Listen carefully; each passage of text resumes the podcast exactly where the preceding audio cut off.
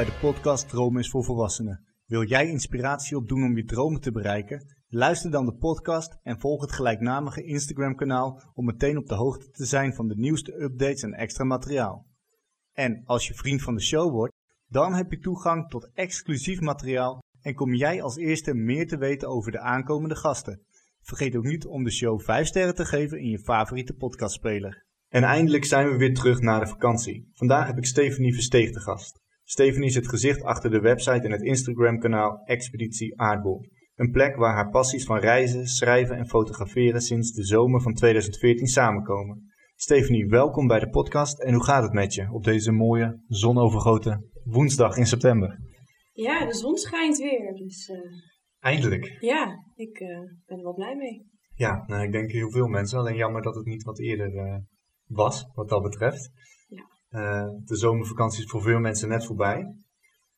Maar ja, eigenlijk als ik kijk naar Expeditie Aardbol, lijkt het wel alsof jij alleen maar vakantie hebt als je ziet wat voor plek je allemaal bezoekt. Ik ben veel op reis, ja, maar ik zou het zelf niet vakantie noemen, want het is mijn werk. Ja, ja en eh, ja, ik denk dat heel veel mensen, als ze jouw eh, ja, kanaal zien, denken, nou, dat, voor, dat als werk zou ik ook wel willen. Hoe ben jij begonnen? Hoe ben ik begonnen? Ehm, nou, ik ben in 2014 gestart met Expeditie Aardbol. Ik werkte toen als freelance journalist eh, voor verschillende media, voor de krant, internet. Eh, maar ik wilde toen eigenlijk meer schrijven over wat het allerleukste vond om te doen, namelijk reizen. Het probleem was dat me die kans niet echt werd gegeven in de journalistiek. Dus toen dacht ik, weet je wat, ik, eh, ik begin zelf wel met een website waar ik kan schrijven over alles wat ik leuk vind. En waarbij ik niet in een bepaald stramien hoef te schrijven wat een hoofdredacteur heeft opgelegd.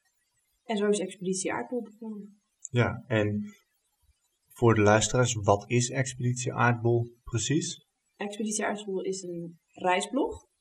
Ehm, een heel persoonlijk, ja, een, een persoonlijke verzameling van verhalen. Ja, En eh, je zei al, hè, van ik ben eh, eigenlijk begonnen naast mijn werk als freelance journalist. Ja.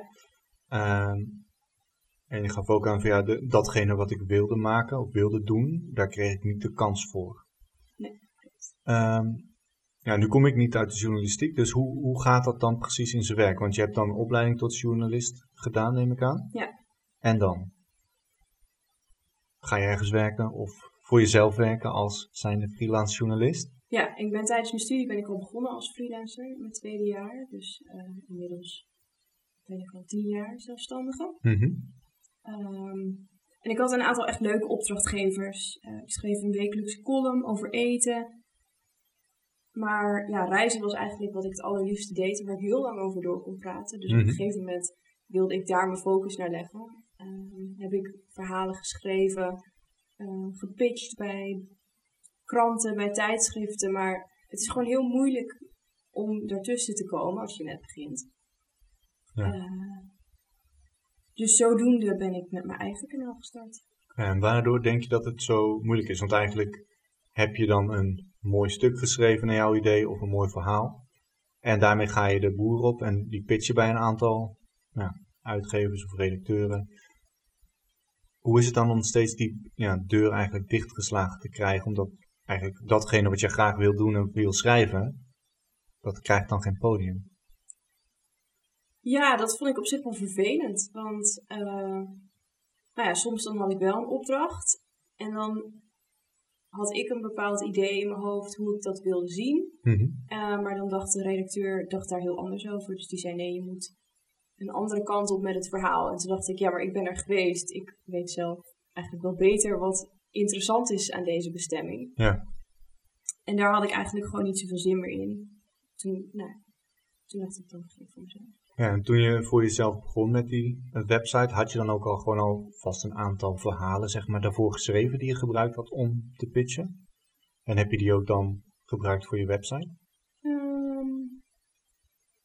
Ehm, nee, want schrijven voor een website, een blog is wel echt heel anders dan voor de krant. Wat is het verschil? Nou ja, ja het verschil, oké, dit wordt een heel eh, technisch verhaal, denk ik. Ehm, Zit dat bijvoorbeeld in het aantal woorden of de stijl die je Ja. gebruikt? ja, schrijven voor mensen lezen een krant of een tijdschrift heel anders dan bijvoorbeeld een website. Dus Mhm. om een voorbeeld te geven, de zinnen moeten korter. Eh, In de krant. nee, op de website. Oké. Ehm, je werkt met veel kortere alinea's. Ehm, mensen die scrollen er gewoon doorheen, dus die moeten binnen een paar keer scrollen, moeten de essentie van een bepaald onderwerp weten. Terwijl je op een krant, ja, dat, merk je misschien zelf ook wel, dat lees je nu vooral voor de achtergrond en niet voor de korte nieuwsberichten. Nee, nee, met eh, nou het internet wordt dat allemaal wat bereikbaarder en dan, ja, iedereen, voor iedereen is natuurlijk zo, is het internet eigenlijk bereikbaar. Ja, En iedereen kan ook schrijven, maar er zit wel echt een verschil in kwaliteit van wat je schrijft. En daar wil je natuurlijk wel de mensen kunnen vangen, zeg maar, met jouw verhaal. ja. Dus ik kon wel onderwerpen hergebruiken, maar ja, dat verhaal moest ik wel helemaal opnieuw schrijven. Ja, en dat deed je in het begin, zeg maar, naast jouw werk gewoon als freelance journalist. Dus dat ik elke avond met mijn laptop op schoot op de bank te schrijven, foto's te bewerken. Ja, dat eh, stukje liefdewerk, oud papier wat dat betreft. Maar uiteindelijk heeft het je natuurlijk wel ja, aardig eh, wat Ja. opgeleverd. Had jij vooraf een bepaald doel bij Expeditie Aardbol? Nee, eigenlijk niet. Het was vooral, ik wilde mijn creatieve ei kwijt. Ik wilde een verhaal vertellen. En als dat gelezen werd, dan was dat heel erg fijn. En dat, het feit dat het nu mijn, mijn werk is, dat heeft wel een tijdje geduurd. Voordat ik ook daadwerkelijk die stap heb kunnen maken om al mijn freelance werk te laten veranderen. Ja, en wat heeft eh, uiteindelijk gemaakt dat je die stap kon maken? Ik begon geld verdienen met Expeditie Aardbol. Ja, dat is wel een goede reden om niet meer te hoeven werken. Of tenminste, niet meer ander werk te hoeven doen natuurlijk. Nee, nee, en het begon me ook steeds meer tegen te staan eigenlijk dat ik voor opdrachtgevers moest schrijven. En dat was natuurlijk met die reisverhalen was dat al een reden dus om mijn eigen platform te beginnen. Mhm. Eh, en na een aantal jaar dacht ik, ja, ik haal er veel meer plezier uit om mijn eigen verhaal te schrijven dan dat ik in opdracht ergens werk. En je noemt een aantal jaar. Waar, waar hebben we het over? Hoeveel jaar heb jij nodig gehad om uiteindelijk die stap te zetten vanaf het begin dat je begon met die website? Ik ben in 2014 begonnen. Vanaf 2016 begon ik een beetje geld mee te verdienen. En ik heb eigenlijk vlak voor corona heb ik volledig al mijn andere opdrachtgevers laten vallen. Ja, dus eigenlijk gewoon zes jaar bijna ben je bezig geweest om toe te werken naar Ja. eh, nou ja, eigenlijk datgene waar je passie ligt, wat je leuk vindt om te doen. Ja, maar ik vond het freelance vond ik ook heel leuk hoor. Ja, alleen het begon een beetje tegen te staan afhankelijk Ja. natuurlijk ook van wat je opdrachten zijn. Want stel dat je alleen maar reisopdrachten zou hebben, dan zou het misschien anders zijn. Waar, waaruit merk jij van, want er zijn genoeg mensen die denken, oh dit wil ik graag doen of dat wil ik graag doen in het ja, eigenlijk najagen van dromen. Waaraan merk jij dat jij deze, eh, ja, deze website moest gaan maken en vullen? Ehm, de vraag was een beetje lang. Sorry, ik zal hem, ik zal hem nog een keer stellen en dan knippen we dit gewoon uit. Ja, Ehm, waaruit merkte jij dat je eh, met die website moest gaan starten in eerste instantie? Ja, gewoon wat je. eh, ik hem nog een keer. Ja, dat is het voordeel hè, dat we kunnen knippen. ja, ik, ik, Ehm, denk, ik denk dat ik nog de vraag... Nee, dat maakt niet uit, maakt niet uit. Ehm, goed, je, ehm, je had een aantal eh, opdrachtgevers, maar eigenlijk datgene wat je graag wilde doen met die reisverhalen, dat, dat lukte niet. Nee. Je kon het nergens echt kwijt zoals jij graag wilde. Wat heeft ervoor gezorgd dat je uiteindelijk die stap hebt gemaakt om dan die website te beginnen? Was dat een bepaald gevoel dat je dacht van ja, dit, ik wil gewoon dit delen, ik wil dit zelf kwijt. Mijn creativiteit wil ik gewoon, ja, eigenlijk, ik weet niet of het het goede woord is, maar gewoon lekker bezig met mijn hobby. Of, ja, ik denk dat je het wel kan zien als een hobby. Ik vind het heel leuk om te schrijven, ik vind het heel leuk om te fotograferen, ik vind het heel leuk om te creëren. Hou van cijfertjes, dus zo'n website kun je natuurlijk helemaal, helemaal tracken hoeveel mensen dat Ja. lezen. En ja, het, het is wel echt ontstaan vanuit een, een passie en een hobby. En ik vind het super leuk om te doen, nog steeds. En het voelt, ja, het is wel werk, maar het voelt niet als werk. Nee, nee, ik denk dat iedereen dat wil. Dat het werk wat we doen niet voelt als werk. Maar dat Ja. je gewoon lekker met je passie inderdaad aan de slag kan. Ehm, goed, en je vertelde, hè, je had eh, twee jaar eigenlijk nodig om die website van nul tot je eerste verdiensten op te bouwen. Ja. Wat heb je eh, daarin gedaan? En niet zozeer van, ik heb dit, dit, dit gedaan, maar ik zie heel veel mensen die willen een website of een, beginnen een Instagram kanaal omdat ze social influencer of wat dan ook willen zijn. Met het idee, dan krijg ik gratis dingen. Dan kan ik daar geld in verdienen. Dan kan ik dat gewoon lekker doen. Nou, ik hoorde in jouw verhaal dat dat niet jouw eerste drive was. Het was meer gewoon datgene wat je aan creativiteit in je had, wilde je een podium kunnen bieden. Maar in die twee jaar heb je wel iets gedaan waardoor je geld gaat verdienen eraan. Ja. Hoog over, wat zijn dan die dingen? Want het was eigenlijk in eerste instantie niet jouw focus. Nee, het heeft allemaal te maken met bezoekers. Het, uh, opeens werd Expeditie Aardbol gelezen door mensen en kreeg ik feedback dat ze wat aan mijn tips hebben gehad. En ik denk dat dat heel interessant opeens bleek voor adverteerders ja. en partners. En op die manier dat ik het kon uitbouwen. Deed dat ook wat met jouw uh, drive om er meer tijd en energie in te steken? Ja, tuurlijk. Ja, want die overstap naar het freelancen, dat is niet van het een op het andere moment gegaan. Of nee, niet. Nee, die, die overstap van naar, het freelancen, van het freelancen naar fulltime reisblog is niet van het een op het andere moment gegaan. Um, maar dat is natuurlijk geleidelijk gegaan. En het feit dat ik als freelancer werkte, betekende ook dat ik eerst begon ik met vier dagen voor opdrachtgevers, één dag voor Expeditie Aardbol. En zo Ja. kon ik dat, Een soort glijdende schaal om Ja. uiteindelijk naar volledig expeditie aardbol te gaan. ja, precies. Wat heb je verder allemaal in die tussentijd eh, moeten leren? Want je was eigenlijk al nog, en bent eigenlijk nog steeds ZZP'er. Ja. Of je nou freelance journalist bent of je hebt een eigen eh, website blog. Ja. Maar het is wel een hele andere tak van sport lijkt me. Ja, zeker. Wat ik al in het begin zei, dat je voor een website überhaupt heel anders schrijft dan voor een krant bijvoorbeeld. Ja, dat is wel iets wat, je, wat ik in de praktijk heb kunnen verfijnen. Ik heb uiteraard geleerd op de school van journalistiek hoe ik voor al die verschillende media moet schrijven. Maar echt bijvoorbeeld gevonden worden in Google, ehm, gevonden worden via social media. Dat is wel, ja, dat, dat zijn wel dingen die ik ge- heb geleerd. Ja. En zou je eens een voorbeeld kunnen geven verder? Eh, want kijk, vindbaarheid is super belangrijk. Ja. Zeker denk ik ja, in de online business. Eh, maar in 2014 was dat natuurlijk nog veel minder groot dan nu. Ja. Was het dan ook, naar jouw idee, makkelijker dan destijds? Ja, enerzijds denk ik wel. Omdat er gewoon niet zoveel reisblogs waren, was de concurrentie ook minder groot. Ja. Dus eh, hoefde je daar nog niet heel erg veel moeite in te doen. Dus dat was ook iets wat ik in het begin ook echt totaal niks van snapte, van zoekmachine optimalisatie. Maar inmiddels is, ja, inmiddels is dat onmisbaar. Ja, dat is eh, bijna core business wat dat betreft. Ik merk het ook met mijn website dat Ja. je eh, ook af en toe gewoon van die heerlijke spambots die overal op gaan reageren met hele gekke berichten. Dat je denkt, oké, alles markeren als spam, dat hoef ik niet op mijn website te hebben. Ja, Maar je merkt wel dat het gewoon belangrijk is om goed vindbaar te zijn en dat ook een website moet werken.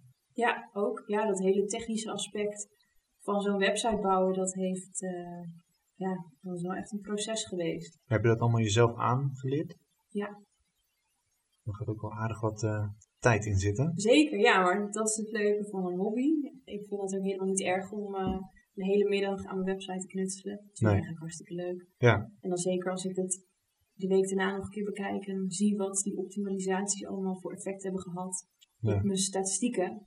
Ja, nou ja, ik, dat is wel grappig. De luisteraars kunnen dat natuurlijk niet zien, maar zodra je eigenlijk daarover vertelt, dan veer je op, krijgt meer energie, omdat, ja, dan blijkt ook wel dat dat stukje ook wel echt leuk is, omdat je ook meteen het effect ervan ziet. En uiteindelijk, ja, het is toch je bedrijf. Ja, Dus dat je op die manier met een middag investeren en dan vooral tijd, want nou ja, het is, zoals je al zei, het is knutselen aan de website, eh, dat dat ervoor kan zorgen dat jij weer een stapje kan maken. Dat is alleen maar mooi. Ja. Ehm, en heb je dan ook in die periode tegenslagen gekend? Als je kijkt vanaf 2014 dat je begonnen bent tot nu. Natuurlijk, hè, een hele duidelijke tegenslag voor bijna elke ZZP'er, zeker in de reisbranche, is corona geweest. Ja. Daar gaan we het straks nog wel een klein beetje over hebben. Maar zijn er ook andere tegenslagen geweest? Of heb je ergens concessies moeten doen? Nou ja, ik ben natuurlijk in mijn eentje, dus ik heb 24 uur per dag de tijd en dat is het.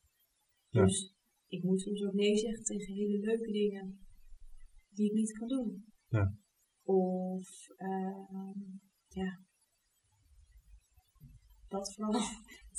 Ja, nou, maar de- ook dat is er eentje. Als je kijkt naar, ehm, om het even heel breed te trekken hoor. Als je kijkt naar de maatschappij en de fear of missing out, dat we alles maar willen doen en dergelijke. Ja. Ik bedoel, we zien alleen maar het plaatje erachter eigenlijk. Of ervoor, om het zo te zeggen, niet het verhaal erachter. Want Ik zei het net al, dat als je jouw kanaal bekijkt, dan zie je super toffe locaties in binnen- en buitenland.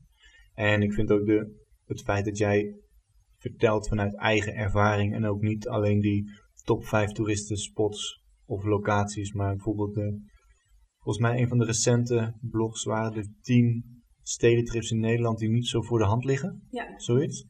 Ja, weet je, dat is ook super tof, maar dat gaat de grote massa niet per se doen, omdat het niet trendy is of wat dan ook. Maar ja, er zijn heel veel plekken die gewoon hartstikke mooi zijn. Maar je ziet dus niet, als je dus een super tof item hebt geschreven of zo, dan zie je niet het item waar je nee tegen hebt moeten zeggen. klopt. Heb je dan ook nog wel eens spijt van iets waar je nee tegen hebt gezegd? Dat je achteraf dacht, oh, misschien had ik hier toch ja tegen moeten zeggen? Ja, dan maar. Ik heb over het algemeen niet heel vaak spijt, maar toen ik net was begonnen, toen kreeg ik een aanbod om voor een van de experimenteel. Toen kreeg ik het aanbod om voor een van de experimenten naar Berlijn te gaan met de Mhm. trein. En toen dacht ik, nee, ik wil onafhankelijk zijn, ik wil ineens schrijven op plekken waar ik zelf een ticket naartoe heb geboekt en helemaal zelf de regie heb gehad over het programma. En toen heb ik nee gezegd. En achteraf dacht ik, ik had er prima ja tegen kunnen zeggen en kunnen kijken waar, ja, wat dat me had Ja. opgeleverd. Dat heb ik toen niet gedaan. Doe je dat nu dan anders? Dat je nu zeg maar, stel dat weer zo'n type aanbod komt, dat je dan ja zegt? Ja, dat denk ik wel. Ik denk ook dat ik, ik heb het er nu meer over, bijvoorbeeld met mijn vriend of met andere. Ik heb nu een wat groter klankbord, Mhm. ehm, omdat mensen gewoon weten wat ik doe en dat dit mijn werk is. Ja. Dus ik denk dat ik er nu wel beter over nadenk voordat ik dat soort keuzes maak. En nog even terug te komen op de vraag. Waar ik ook een beetje spijt van heb, is dat ik pas na twee jaar ben begonnen met een Facebook pagina opzetten. Ja. Ja, en des, zeker 2014, 2016 was Facebook natuurlijk echt heel groot. Ja, Instagram had je eigenlijk nog niet echt voor een gevoel. Ja, dat was er wel, maar niet heel veel tijd in besteed ook. Nee, maar volgens mij is Instagram groot geworden toen Facebook het echt heeft overgenomen op een gegeven moment. Maar dat kan ook gewoon meer mijn gevoel zijn. Ik heb zelf, ben ik ook een beetje achter alle treinen aangelopen. Ik weet nog dat ik toen in 2010, toen werkte ik gewoon ergens in de praktijk. Toen zei iedereen, ja, je moet Facebook hebben. Ik dacht, ja, maar waarom moet ik Facebook hebben? Dus uiteindelijk na een half jaar, oké, ik ga dan ook Facebook hebben. Met bijna weerstand, want nou, ja, toen had je ook nog hypes Ja, nou, dat was toen heel groot en dat was geloof ik binnen een jaar was dat helemaal weg. Uh, maar dan merk je eigenlijk wat de impact is van het hebben van bepaalde social media kanalen. ja, En daar gaat ook wel tijd in zitten, maar dat kan je natuurlijk ook stroomlijnen dat alles in één keer op dezelfde manier zeg maar wordt geplaatst. ja, Nou, dat is dan weer een middagje knutselen, klopt. bewijzen van. Ja, Ehm, nou, ik zei het net al, hè, we gaan nog een klein beetje hebben over eh, de impact van corona. ja. Hoe is dat voor jou geweest? Want je zei het al eigenlijk, vlak voordat corona kwam, ben ik volledig voor mezelf begonnen. Ja.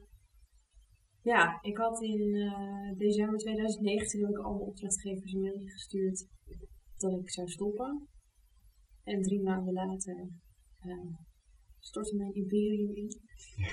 Toen stopte de hele wereld. Ja, dus dat was wel pittig. Dat, ja, als je me dat een week van tevoren had gezegd, dan had ik je nog steeds niet geloofd. Dus ja, ik had het ook echt niet zien aankomen. Niemand, denk ik. Nee. En ja, eerste reactie was paniek. We moeten nu, eh, ik, ik moet nu dingen gaan verzinnen om toch, om toch mijn bedrijf draaiende te houden. Mhm. Ehm, dus het was heel, ja, het was wel echt heel pittig. Ja. Maar ik denk wel dat het me ook wel weer een bepaalde, ja, ik, ik denk dat het wel veerkrachtig genoeg was om er het beste uit te halen, om het beste van te maken. Ja, en je bent ook niet over één nacht ijs gegaan als je al vijf jaar aan het werk bent. Nee, wat dat betreft, Expeditie Aardbol was wel echt een gezond bedrijf. Dus uh, ik hoefde ook niet op stel en sprong ander werk te zoeken of toch weer die schrijfopdrachten te gaan aannemen. Ik heb gewoon stug doorgewerkt, mijn creativiteit aangesproken. En, uh, ja, ja, dat is natuurlijk ook wel uh, goed dat je op dat moment weet dat je gezond bedrijf is eigenlijk, ik weet niet of je Nassim Taleb kent. Uh, die heeft het onder andere over antifragiliteit. Dus als er een tegenslag komt, dat je er eigenlijk sterker van kan worden. In plaats van dat je nou ja, fragiel bent. Dus een vaas die op de grond valt, die is nou, kapot. Ja. Over het algemeen. Maar dan het tegenovergestelde, dat als je spieren bijvoorbeeld zijn ook antifragiel. Dus je kan jezelf bij tegenslag trainen om sterker te worden. Ja. En dat proef ik een beetje in jouw verhaal van oké, kwam een redelijke tegenslag met die pandemie. Ja. Maar uiteindelijk heb je het wel zo omgezet dat je een stabiele basis had. Dus je kan tegenslagen opvangen. Ja. En van daaruit ben je verder gegaan. Ja. Um, wat is dan de belangrijkste aanpassing geweest toen, in de, laten we zeggen, de eerste drie maanden na corona? Wil je dat zo concreet mogelijk horen? Nee, mag ook wel. Ja, wat jij fijn vindt. Als je zegt van ik heb een heel duidelijk voorbeeld, dan is nou dat ja, altijd fijn. Wat al een tijdje in mijn hoofd zat, uiteindelijk wil ik Expeditie Aardbol uitbouwen tot een merk dat meer is dan alleen een reisblog. Ja. Dus ik had al voordat de pandemie begon, had ik een ontwerper, had ik een opdracht gegeven om een illustratie te maken die ik dan zou kunnen afdrukken op bijvoorbeeld een tas of een Mhm. t-shirt. En daar ben ik bijvoorbeeld mee verder gegaan. Ah. Dus ik heb een webshop aan mijn site gekoppeld waar mensen Een tas kunnen een tas kopen. kunnen kopen, ja, Ja. of een, een t-shirt of een sweater. Ehm, Ja. Ik heb presets ontwikkeld. En daarnaast ben ik heel erg op reizen wat me wel kon gaan focussen. Dus heel erg Ja. op wat kun je in Nederland doen.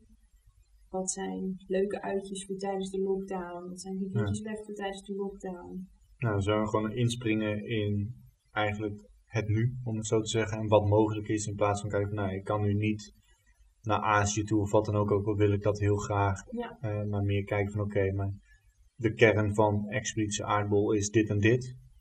Dit staat ook nog allemaal op mijn lijstje wat ik graag wil toevoegen eraan, maar daar kom ik gewoon niet aan toe. Ja, zo was het echt een beetje. Ja. ja. Ja, maar dan heb je dus eigenlijk kansen benut. Ja. Doordat je onverwachts tijd over had. Ja. Even heel kort door de bocht. Ehm, en je zei net een preset. Wat is een preset precies? Ja, dat is een eh, voorinstelling die je kan gebruiken in het programma Lightroom van Adobe. Mhm. En dat gebruik je om je foto's te bewerken. Dus, nou ja, jij zit misschien wel eens op Instagram en dan doe je een filtertje over je foto om het allemaal net wat mooier te maken. Mhm. En daar kun je het mee vergelijken, maar dan doe je het niet in Instagram, maar in, Lightroom. Lightroom. Oké, Ja. nee, dat is op zich eh, ja, ook wel handig. En ik denk dat ik, ik bewerk zelf ook wel eens foto's en ik weet hoeveel tijd erin gaat zitten als je dan weer het contrast goed moet hebben. Ja. Dan weer dat, dus, ja, En zo'n preset is een kwestie van één klik op de knop. En, en klaar. klaar. En dan nog even opslaan. Ja. Ehm, ik, ik zat nog even op jouw website te kijken eh, van de week. En toen zag ik, ja, jij werkt niet met gastbloggers. Nee.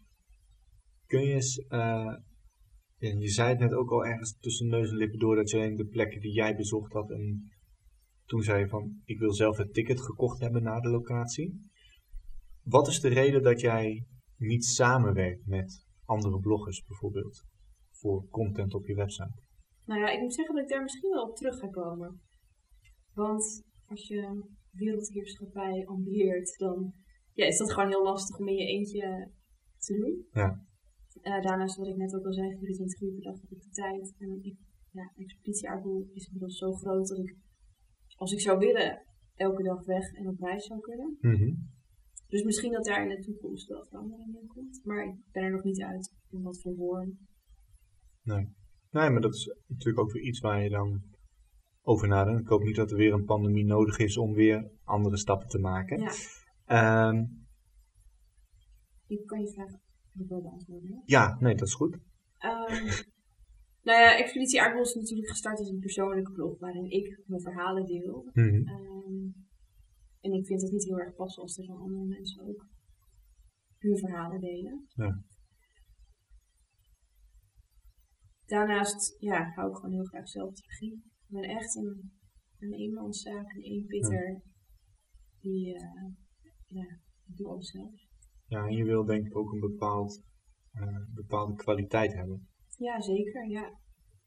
Nou, ik, ik voetbal zeg maar en dan zie je soms dat er een heel verschil is tussen het verslag wat mijn team, club heeft geschreven, het verslag van de tegenstander, maar ook het verslag van een onafhankelijke journalist. Daar zit al zoveel verschil in.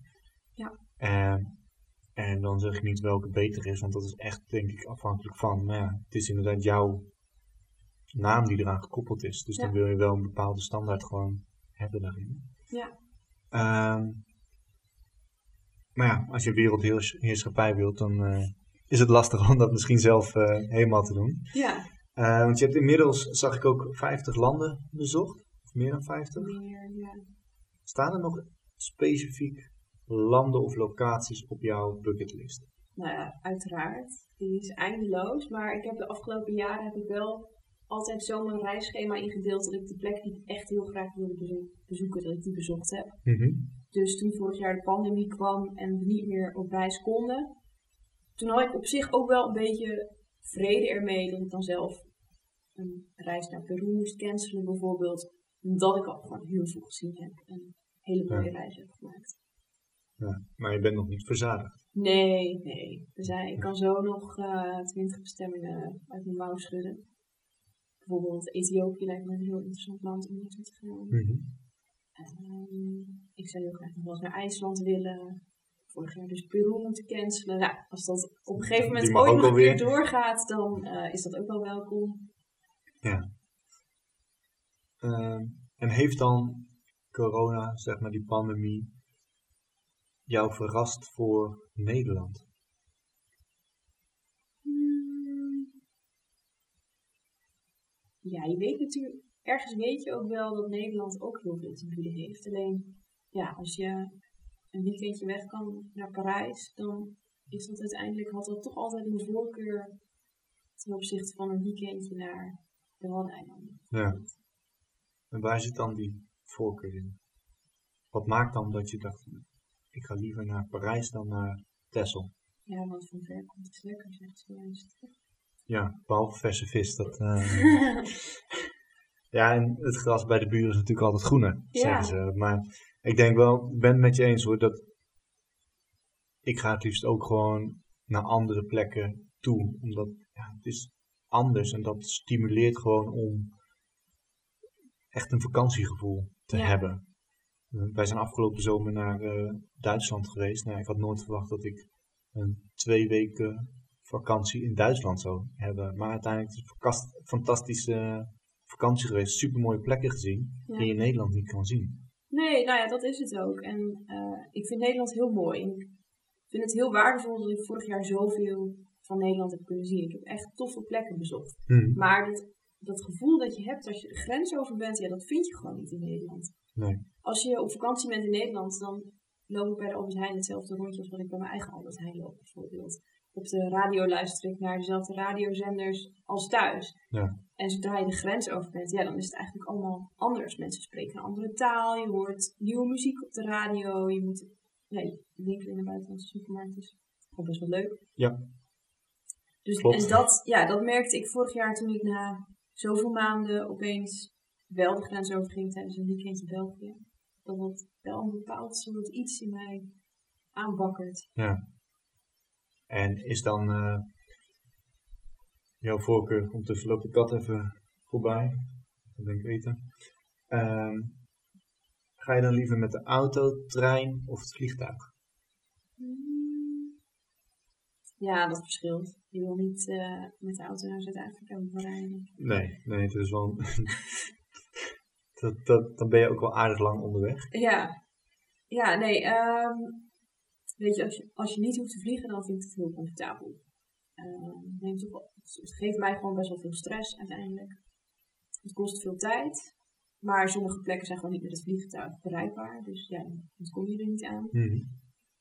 Een auto vind ik heel fijn, want dan heb je alle vrijheid. Maar toen ik laatst met de trein naar Parijs was, was dat eigenlijk ook wel heel comfortabel en ontspannen. Ja, ja, je weet dan, je gaat zitten en in vier, vijf uur bij de plek van bestemming hoef je nergens aan te denken. Ja, maar ja, op het moment dat je vertraging hebt, dan is het allemaal wel weer wat minder leuk. Ja, ja nee, dat... eh, Dus ja, het heeft allemaal voordelen en nadelen. ja. ja, in de auto kan je ook in de file staan. Ja, precies. Dan denk je, was ik maar met de trein gegaan. Precies. Ja. En eh, als je dan kijkt, hè, want jij bent begonnen met Expeditie Aardbol omdat je eigenlijk je creativiteit op die manier goed kwijt kon, Ja. zoals je zei. Eh, als ik denk aan reizen en aan ZZP'ers, dan is eigenlijk het merendeel wat ik daaruit hoor in de verhalen of de gesprekken met mensen de term vrijheid. Ja. Is dat ook voor jou een belangrijke factor of een belangrijke pijler? Ja, absoluut. Ik heb nooit voor een baas gewerkt. Ik ben tijdens, zoals wat ik al zei, tijdens mijn studie al begonnen met freelancen. En dat heb ik Hm. doorgezet. Zit het ook in je familie, dat freelancen? Nee, Jij bent echt de, de pionier in de freelance familie, Ja. zo te zeggen. zo zou je het kunnen zeggen. Ja. Ja, nee, maar inderdaad, je vrijheid. Het feit dat ik in het begin al lastig vond om altijd maar in een bepaald stramien van een, van een redactie te moeten schrijven, dat vond ik al heel vervelend. Dus Ja. ik heb nu nog weer extra vrijheid, doordat ik dat ook allemaal zelf mag bepalen. Mhm. Ja. ja, nee, dat, eh, dat is sowieso natuurlijk heel fijn als je ZZP'er bent en als je een bedrijf hebt wat dusdanig goed loopt met jouw passie, dat het gewoon heel fijn is. Ehm, ik ga een kleine vraag tussendoor stellen waar ik nu geen antwoord op hoef te hebben. Ehm, maar aan het eind wel. Stel dat jij eh, de kleine Stefanie van de basisschool zou spreken. Welk advies zou je die willen meegeven in het bereiken van haar dromen? Denk erover na. Dan straks aan het eind van het gesprek komen we erop terug. Ehm, nee, we het over een stukje vrijheid. Eerder sprak ik met Antoinette Spaan van WeWantToTravel.com. Toevallig zag ik van de week dat... ehm, had jij haar nou in een blog getagd of andersom? Ik had haar in, ik had haar in mijn nieuwsbrief genoemd. Precies, dat was het. Toen dacht ik, hé, dat is grappig. Want, nou ja, over een paar dagen zit Stephanie bij mij eh, Ja, achter de microfoon. Ehm, en zij gaf ook aan hè, dat vrijheid en de mogelijkheid om op avontuur te gaan gewoon heel waardevol zijn. Jij bent natuurlijk niet gebonden aan Nederland, wat dat betreft. Heb jij dan ook nog ergens die droom of het stukje ja, gevoel van vrijheid dat je ook nog wel een keer in het buitenland, zeg maar, verder zou willen gaan? Dat je in het buitenland voor, voor een half jaar, ja, jouw bedrijf is niet gebonden aan een locatie.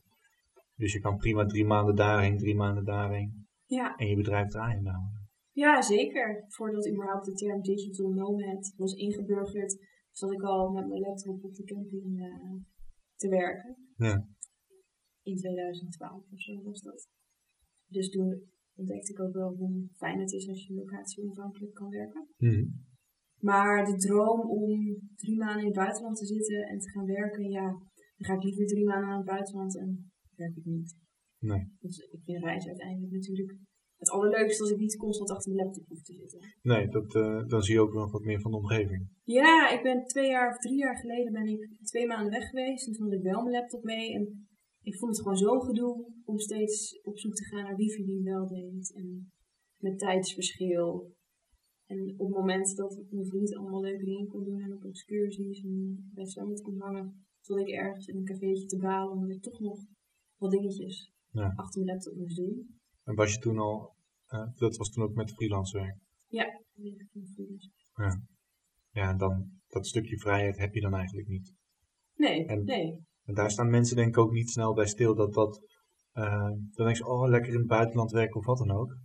Ja, het klopt dat je in het buitenland kan werken, maar de keerzijde van de medaille is dat je dus niet zo'n expeditie kan doen of aan het zwembad kan hangen, want je zit gewoon, Je moet werken. uiteindelijk ben je wel aan het werk. En nou is mijn werk gelukkig heel leuk. Maar ja, dan op, op, ja, op reis hoef ik gewoon niet per se met mijn, laptop voor mijn neus te zitten. Dan ga ik gewoon Nee. op pad met mijn notitieblokje en de camera. En dan ga ik eh, ja, tips verzamelen en foto's maken. Want jij werkt nog oldschool, pen en papier. Nou, Of gewoon eh, notitie in de telefoon. digitale notitie. Ja. Ehm, als je dan kijkt, hè, want dat vroeg ik me nog wel af. Je zei eerder in het gesprek van, ik wilde in eerste instantie alleen tickets, eh, of tenminste locaties beschrijven waar ik zelf een ticket naartoe had gekocht. Ja. ik kan me heel goed voorstellen dat, dat daar hangt een prijskaartje aan. Ja. In principe. In hoeverre eh, heeft dat je in je beginperiode beïnvloed? Niet zoveel. Nee, het feit dat ik dat toen in mijn hoofd had, was omdat ik vers uit de journalistiek kwam en ik per se die onafhankelijkheid wilde bewaken. Ja. Ehm, en inmiddels kijk ik er wel een beetje anders tegenaan, want ik heb juist gemerkt, als ik word uitgenodigd, bijvoorbeeld door een bestemming, dat die mensen weten perfect wat echt de vette plekken zijn, bijvoorbeeld ehm, Zoals in. Noord-Spanje. Ja. Dingen die ik niet zo snel ergens had opgeduikeld. En zij zorgen ervoor dat ik dat wel kan doen. En dat levert ook mooie verhalen op. Ja. Dus dan ben je misschien niet 100% onafhankelijk. Maar Uiteindelijk jij bepaalt wat er op papier komt. ja, ja. Je En- hebt wel de mogelijkheid om toffe dingen te doen en mooie content te maken. Ja. En kijk, ik zit niet in die business, dus ik ben, dit is gewoon puur nieuwsgierigheid. Teken je dan ook vooraf een contract, zeg maar, van oké, dit, eh, jullie bieden mij dit, maar uiteindelijk wat, eh, ik heb een soort van verplichting dat ik daar wel wat over schrijf, Ja. maar wat ik erover schrijf, daar wil ik onafhankelijk in blijven. Ja, dat is wel vaak een afspraak die ik wil maken. Oké, dus ja, dan bied je eigenlijk, ja, je geeft jezelf meer kansen om toffe locaties te doen, maar wel nog eh, binnen de visie van Expeditie Aardbol. Zeker, ja. Het is ook nooit dat als ik ergens ben geweest voor een opdracht, dat ik dan nog het artikel ter goedkeuring eh, moet opsturen. Nee. En je plaatst natuurlijk op je eigen website. Ja, maar ik denk dat dat ook de kracht is van bijvoorbeeld een reisblog ten opzichte van een reisgids. Dat het echt, echt een persoonlijke interpretatie is van Ja. een bestemming. Ja, en een reisgids, daar moeten meerdere mensen hun plasje over doen voordat het daadwerkelijk... eh, Ja, en dat spreekt misschien ook een breder publiek aan. ja. ja, want jij zoekt echt specifiek naar een bepaalde doelgroep. Of, Ja, ja, dat hou ik wel altijd in mijn achterhoofd. En wie is dan jouw doelgroep? Ja, ik noem het altijd avontuurlijke levensgenieters. Dus mensen die het leuk vinden om avontuurlijke dingen te doen op reis. Maar tegelijkertijd ook aan het eind van de dag heel graag met een glaasje wijn van zon gaan genieten. Ja, dat, eh, precies wat je om- omschrijft, heb ik de laatste tijd ook inderdaad op jouw eh, kanaal gezien. Ja, Ik denk van ja, dit, je noemde al Parijs en dan denk ik ja, op zich, ik ben nog nooit in Parijs geweest, maar als ik naar Parijs zou gaan, dan zou ik in eerste instantie denken, oké, Eiffeltoren, Notre Dame, Louvre, eh, nou ja, dan Ja. moet je echt even mijn blog lezen, want er staat nog een verhaal online met leuke dingen die net iets minder voor de hand liggen. ja. Ja, ik ken eigenlijk Parijs vooral ook van de Tour de France, Oh ja, zo'n beetje. En, ja. eh, nou het is een aanrader. ja, dat, eh, nou, dat begreep ik ook al uit, uit jouw verhaal. En ik denk van nou, dat is echt, er is gewoon meer dan je in eerste instantie ziet. Zeker, ja. Kijk, ik, eh, ik werk in Harderwijk, zeg maar. En dat is ook een stad die zoveel geschiedenis heeft. Alleen als je door Harderwijk loopt, dan denk je, oh, dat is een leuk stadje. Maar als je dan een klein beetje meer verdiept, dan zie je zoveel meer. Dat is gewoon Ja. hartstikke tof om, eh, om te doen, Ja. uiteindelijk. En ik ben altijd blij als we een lunchpauze hebben, dat we gewoon weer even een stukje kunnen wandelen. Ehm, heb jij in die tijd dat je nu met Expeditie Aardbol bezig bent, ooit getwijfeld of dat je de goede koers aan het varen was? Nee. Dan heb je ooit tegenslagen ervaren dan, in die periode? Nou ja, corona. Ja. Maar ik doe gewoon wat ik leuk vind en dat is voor mij voldoende. Nou ja, dat, en je verdient. En ik kan er mijn hypotheek mee betalen. Precies, Ja. ja, dat, eh, Dat is, het- uiteindelijk is dat het doel. En ook toen het vorig jaar corona was, toen dacht ik, wat er ook, ja, wat er ook gebeurt, als ik die hypotheek kan, kan betalen, dan is het goed. ja, en als je dan kijkt hè, naar, ehm, of tenminste, ik weet niet of je dit in detail wil of kan vertellen, maar ehm, jouw inkomstenbron is jouw website. Ja. En je zei net al van het meest belangrijke is het aantal bezoekers, want daardoor genereer ik ook inkomsten. Indirect, zeg maar. Ja. Ehm, zijn er, ik, ik weet ook, ik heb ooit in mijn jeugd zeg maar nog een, met vrienden een website gehad en dan hadden we met Google Ads en zo wilden, dachten we nou, dan gaan we geld verdienen. Dat was een super goed idee, want we moesten zelf elke keer gaan klikken om maar drie cent te verdienen of zo. Nou, ik kan me voorstellen dat dat niet helemaal jouw verdienmodel is. Nee. Maar in jouw website, en ja, je hebt natuurlijk je shop, dat is een deel Ja. verdienmodel. Maar heb je dan nu ook dat jij jouw verdienmodel, dat dat niet afhankelijk is van één ding, maar dat er Nee, gewoon niet. meerdere dingen zijn? Ja, er zijn inderdaad meerdere paarden waar ik dan op red. Ja. Dus er komt inderdaad geld binnen via mijn webshop. Maar soms word ik ook uitgenodigd voor een campagne in het buitenland waar ik dan geld mee verdien. Plus de kosten om daar naartoe te gaan, die zijn dan ook gedekt. Dat is wel. eh, ik denk dat heel veel mensen, nou ja, bijna zouden willen tekenen om dat ook te kunnen doen. Ja, Maar dat heel weinig mensen zouden tekenen voor alle, nou ja, tijd, kosten, onzekerheid misschien ook wel in die afgelopen periode, zeker ook met corona. Ja, hoe je daarmee om zou gaan. ja, het, het, is, ja het is leuk, maar ja, uiteraard, het kost gewoon heel veel tijd. En Ja. Is hard werken. Ja, en dat eh,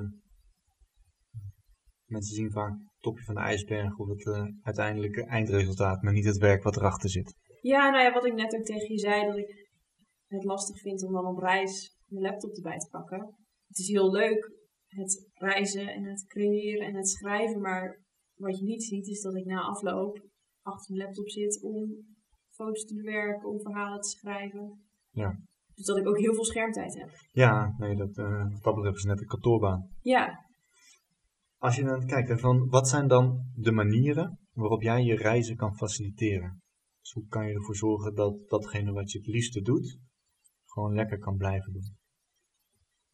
geld verdienen.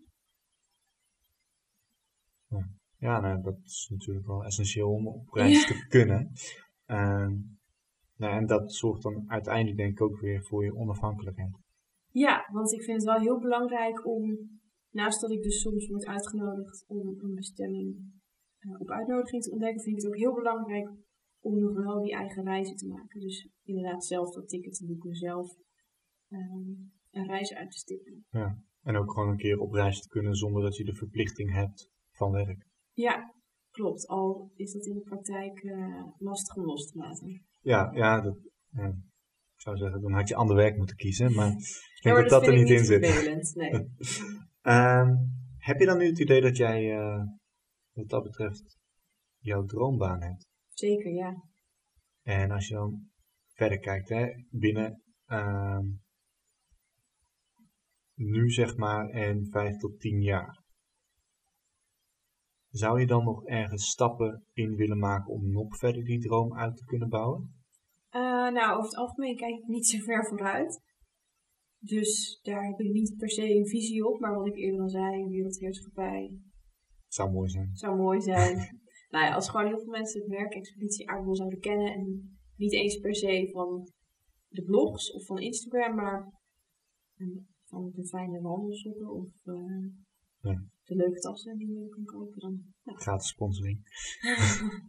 Nee, maar de, ja, sowieso. Ik denk dat je gewoon echt bezig bent om het. Het, het is niet meer een reisblog, zeg maar. Nee, Het is aan het groeien naar een merk en je wil een toonaangevend merk zijn binnen de, Ja. nou, zou ik zeggen, reisbranche in Nederland. Ehm, maar er zijn ook genoeg dingen die je denk ik niet wil. Kijk, als je het hebt over wereldheerschappij en je wil mensen naar mooie plekken brengen, bewijs van, dan denk ik niet dat een reisorganisatie zijn binnen jouw droom past. zelf een reisorganisatie beginnen. Ja, Nee, nee. Want zelf reis ik ook niet via reisorganisaties. En mijn, mijn lezers die vinden het juist leuk om zelf hun vakanties uit te stippelen. Heb je- Daarom lezen ze ook Expeditie ja, heb je dat vroeger wel gedaan? Dat je met reisorganisaties bent? Nee, nooit. Zelfs niet toen ik 18 was en naar Kreta ging. Toen eh, ging ik niet mee met een Go-Go Tours of een andere Ja. jonge organisatie. En toen had je ook nog geen Airbnb. Nee, zeker niet. Dus dat, Nee. dat, dat kon ook niet. Toen moest je nog langs bij het reisbureau. Ja, af en toe vind ik dat ook nog wel leuk om te doen. Hè? Ja? Ja, maar dat is meer ehm, omdat je dan in gesprek met. Kijk, je kan telefonisch eh, een reis boeken, of Ja. via internet inderdaad. Maar wat ik heb gemerkt als je naar een reisbureau gaat en je wil zeg maar net eventjes iets anders dan. wij zitten te denken om komend jaar naar Griekenland te gaan, toevallig. Ehm, maar afgelopen jaar hebben we een rondreis gedaan door Duitsland. Ik zou het super vet vinden om ook in Griekenland een rondreis te doen. Ja. Ja, dan kan ik heel internet afstruinen naar de toffe plekken. Ehm, ik voel er zelf niet zoveel voor om met een auto te rijden in Griekenland. Ehm, dus nou ja, dan heb je een aantal opties. Of je neemt een taxi, of je gaat een rondreis doen met een bus of wat dan ook. Ja. Of met openbaar vervoer. Dan weet ik niet hoe goed dat is in Griekenland. Maar die rondreizen hebben vaak wel de toffe plekken, zeg maar. Ook al zijn het wel de top 5 locaties. Maar daarnaast zouden we ook graag nog even een paar dagen aan het strand willen zitten. Of gewoon even lekker in een hotel. Ja. Dan kan je twee afzonderlijke vakanties boeken. Maar als je naar een reisorganisatie gaat of zo'n reisbureau binnenstapt, dan kan je dat uitleggen en zeggen, ja, dit is wat we willen. hè. En zij maken het op maat. Ja. Ja. Nou ja, ook dat is een hele legitieme manier om je reis te plannen. Ja, ja. En dat heeft ook zijn voordelen. Ik haal er persoonlijk heel veel plezier uit om het zelf allemaal uit te stippelen. Maar ik kan me ook volledig voorstellen dat er mensen zijn die dat wat minder hebben. Ja, die zoiets hebben van, joh, ik eh, heb dit en dit qua eis. Ja. Maak er een mooi programma van en eh, we horen wel hoe laat op Schiphol moet zijn. Ja, En dat is ook helemaal prima. ja nee, dat is het ook. Hè, van, eh, uiteindelijk moet je ook in het bereiken van je dromen, maar ook in alles wat je doet, kijken welke manier voor jou het beste werkt. Ja. Als je dan kijkt hè, naar Expeditie Aardbol, wat is dan de, de kern van datgene wat je hebt gedaan? Wat, wat, wat definieert jouw manier van doen? Ik doe gewoon wat ik zelf wil. Ik ben heel eh eigen gereid. Gewoon eerlijk en trouw zijn aan datgene wat je wil doen. Ja. En uiteindelijk, als je dan de goede dingen doet, dan kan je daar gewoon eh, nou ja, van leven. Ja, Letterlijk. zeker. Wat is de belangrijkste vaardigheid geweest voor jou om die droom te bereiken? Doorzetten, denk ik. Zeker in het begin. Ja, ik heb twee jaar moeten investeren voordat het iets ging opleveren. Ja. En als je het niet leuk vindt, dan, ja, dan wordt het, is dat wel lastig, denk ik. Ja, en twee jaar is dat dan hoeveel uur per week? Waar hebben we het over? Ja, ik denk wel eh, dat ik elke avond wel met mijn laptop. Dus ik denk zeker 16 uur Per week. per week. 100 weken lang. 1600 uur voordat je eerste verdiensten had, zeg maar. Ja. Nou, en ik had tussendoor ook wel af en toe een opdrachtje, maar voordat het echt structureel begon. Ja. ja, maar dat is wel goed om een beetje kader te schetsen van, oké, hoeveel moet je nou daadwerkelijk investeren in tijd voordat je überhaupt daar bent? Ja, en misschien dat andere mensen het wel veel sneller kunnen hoor. En volgens mij zijn er tegenwoordig natuurlijk allemaal boeken lezen over hoe je een platform opzet. En kan het in principe veel sneller. Maar het is nooit mijn doel geweest om de grootste reisploeg van Nederland te worden. Ehm, Alleen wereldheerschappij. alleen wereldheerschappij, ja. Maar, ehm, tenminste, laat ik het zo zeggen, in het begin is het nooit mijn doel geweest om de grootste reisblog van Nederland te worden. Dus die hele motivatie was al heel anders dan wat mensen nu misschien hebben als ze Ja. starten. Mensen het nu zien als een manier om leuk en snel en makkelijk geld te verdienen. Ja. Ja, En de vraag is of dat, dat eh, dan ook duurzaam is. Ja, als dat je motivatie is, vraag ik me af of je met tegenslag eh, Om kan gaan. ja, of door kan gaan. überhaupt. Ja, nee, dat, eh, dat is een goede vraag. Dat, exact de vraag die ik mezelf ook af, afvroeg. Van, ja, hoe ga je met tegenslag om als jouw doel korte termijn is? Ja, nou ja, misschien is dat wel een van de redenen waarom ik vorig jaar gewoon zonder heel veel moeite gewoon door kon blijven Ja. gaan. Met in ieder geval werken aan de website. Ja, en dat is, eh, en uiteindelijk ook weer een extra paard om op te wennen. Ja. Met je webshop. Zeker, ja. Ehm, als je dan kijkt, hè, we hebben het heel erg gehad over Expeditie Aardbol en ehm, hoe je dat allemaal hebt opgebouwd. Heeft Expeditie Aardbol jou persoonlijk nog beïnvloed? Ja, ik denk het wel. Op welke manier? Nou, ja, in het begin was het een hobby, maar nu is het mijn werk. En nog steeds steek ik er heel veel uren per week in. Dus het is een heel groot deel van mijn leven. Het heeft me ook heel veel gebracht, heel veel leuke dingen. En dingen waarvan ik nooit had gedacht dat ik ze zou doen. Plekken die ik nooit had gedacht ooit te bezoeken. Zoals? Ehm, nou, ik ben vorig jaar bijvoorbeeld op carnaval gevierd op Sint Maarten. En ben ik naar Saba en Sint Eustatius geweest. Van die eilanden. Nou, daar hoor je af en toe wel eens van. Je weet dat ze, Ik weet dat ze bestaan. Het heeft nooit per se heel hoog op mijn lijstje gestaan. Maar het was wel vet toen ik er was. ja. Ja, dat, ja, inderdaad als mensen denken ik ga naar de Antillen, dan gaan ze naar eh, Aruba, Bonaire of Curaçao. Ja, Maar Saba, Sint Eustatius, Sint Maarten, die ja, hoor je toch wat minder. ja. Nou ja, dat, dat is dan een voorbeeld. Ehm, ik heb leren skiën. Ik had mezelf nooit gedacht eh, dat ik een wintersporter zou zijn, maar Toch wel. toch wel, ja. En ik denk dat ik dat zonder mijn blog ik dat niet eh aangedurfd. En waarom zou je dan, of had je niet verwacht dat jij een wintersporter zou zijn? Nou ik heb het vroeger nooit gedaan en ik ben best wel onhandig. En het duurt, duurde bij mij ook wel echt een paar keer voordat ik het onder de knie had. Ja. Maar gelukkig werd ik uitgenodigd door een aantal hele leuke wintersportbestemmingen die mij heel goed hebben begeleid in het skiën. Ja. En zo kon ik na anderhalf jaar proberen toch wel een beetje skiën. En dat is natuurlijk die tijd, krijg je als normale reguliere wintersporter, krijg je dat niet. Nee. Dan heb je vier dagen, misschien een uurtje les, als je jezelf wel überhaupt les gunt.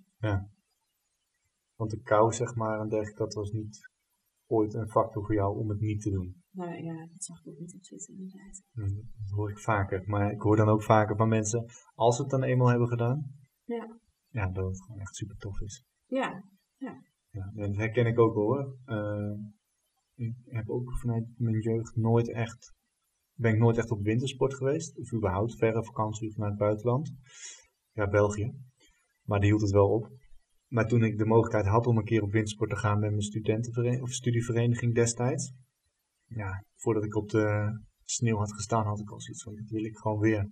ja. Als je dan tussen die bergen staat, zo machtig. Maar je kon het dus wel. Eh, ik heb het daar moeten leren. Ja, Dus ik ging eigenlijk blanco naar uh, Les Alpes in Frankrijk toe. En het eerste jaar heb ik een week les gehad. Uh, bij mijn tweede les brak mijn binding van mijn snowboard. Dus ik had drie keer, of een, een paar, wel een paar lessen gehad. Uiteindelijk eind van de week zat ik in hetzelfde groepje weer als waar ik aan het begin zat. Dus mijn leercurve was wel oké. Maar toen dacht ik een week later, ja, of uh, een jaar later, van ik ga wel weer les nemen. Want ik wist dat ik nog niet helemaal goed op mijn snowboard de berg af kon. nee, maar het is dus wel een investering. Het is niet als je drie dagen met wezen wintersporten dat je het kan. Nee, en kijk, het, wat ik weet van uit ervaring, zeg maar, snowboarden heb je wat langer voor nodig om goed een berg af te kunnen. Skiën kan je wat sneller gewoon een berg af. Maar om goed te leren skiën heb je langer nodig dan om goed te leren snowboarden. Ja.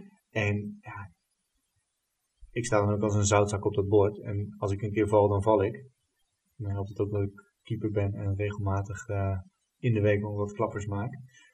Maar het is wel, ik vind die vrijheid en die rust vind ik altijd fantastisch. Ja, En dat is dan wel wat zo'n reis mij ja, biedt.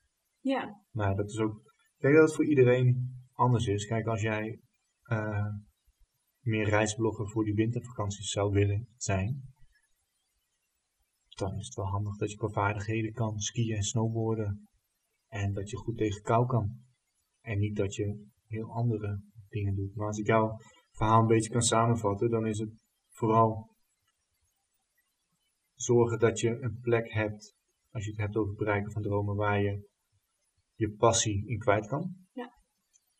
Eerlijk blijven naar jezelf. Ja. Vooral creatief kunnen blijven denken. En niet alleen in het maken van dingen, maar ook, oké, okay, we hebben hier een tegenslag, hoe gaan we daarmee om? In plaats van, ja nee, nu zie ik het niet meer zitten. En doorzetten. Ja. Investeren. En dan is investeren niet geld, maar het is gewoon echt tijd, tijd uren, meters maken. Ja. En uiteindelijk heb je dan een uh, ja, eigen bedrijf waarin je dat kan doen ja, wat je wil doen. half jaar later. Ja, maar dat is wel, uh, het is wel zeg maar in die 7,5 jaar dat je, nou, stel dat het inderdaad die uren per week, kijk je hebt, we hadden net over die 16 uur per week, naast je eigen baan. Ja. 16 uur per week is gewoon veel. Ja. Überhaupt. En als je dan dus ook 40 uur werkt, dan heb je al 56 uur. Dat is net zoveel als je slaapt. Dat is 8 uur per dag. Ja. ja, dan, hou je, dan heb je 112 uur in totaal. Dan heb je 168 uur in de week. Dan hou je 56 uur over nog voor alle andere dingen die je wil doen. Ja, dat is, als je, na, als je die cijfers na elkaar gaat leggen, is het bizar voor woorden. Dat kan je snel overrekenen. Ik heb dit rekensommetje vaker gemaakt. Oké. Dat is het voordeel van werken in de, therapie, in de therapie, of tenminste in de gezondheidszorg. Dan zeggen mensen vaak, ja, ik heb geen tijd om oefeningen te doen. Ik zeg, ja, oké.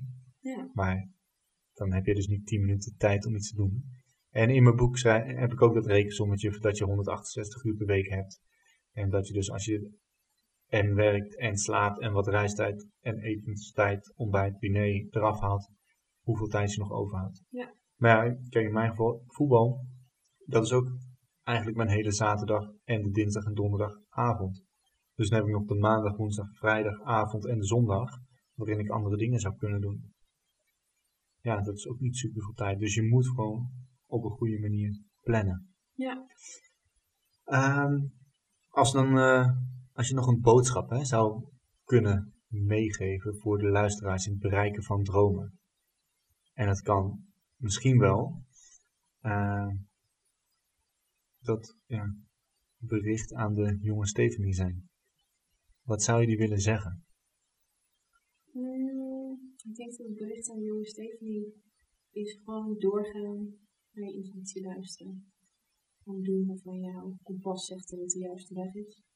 En tegen luisteraars die misschien twijfelen of ze een bepaalde stap moeten nemen, zou ik zeggen, doe het gewoon.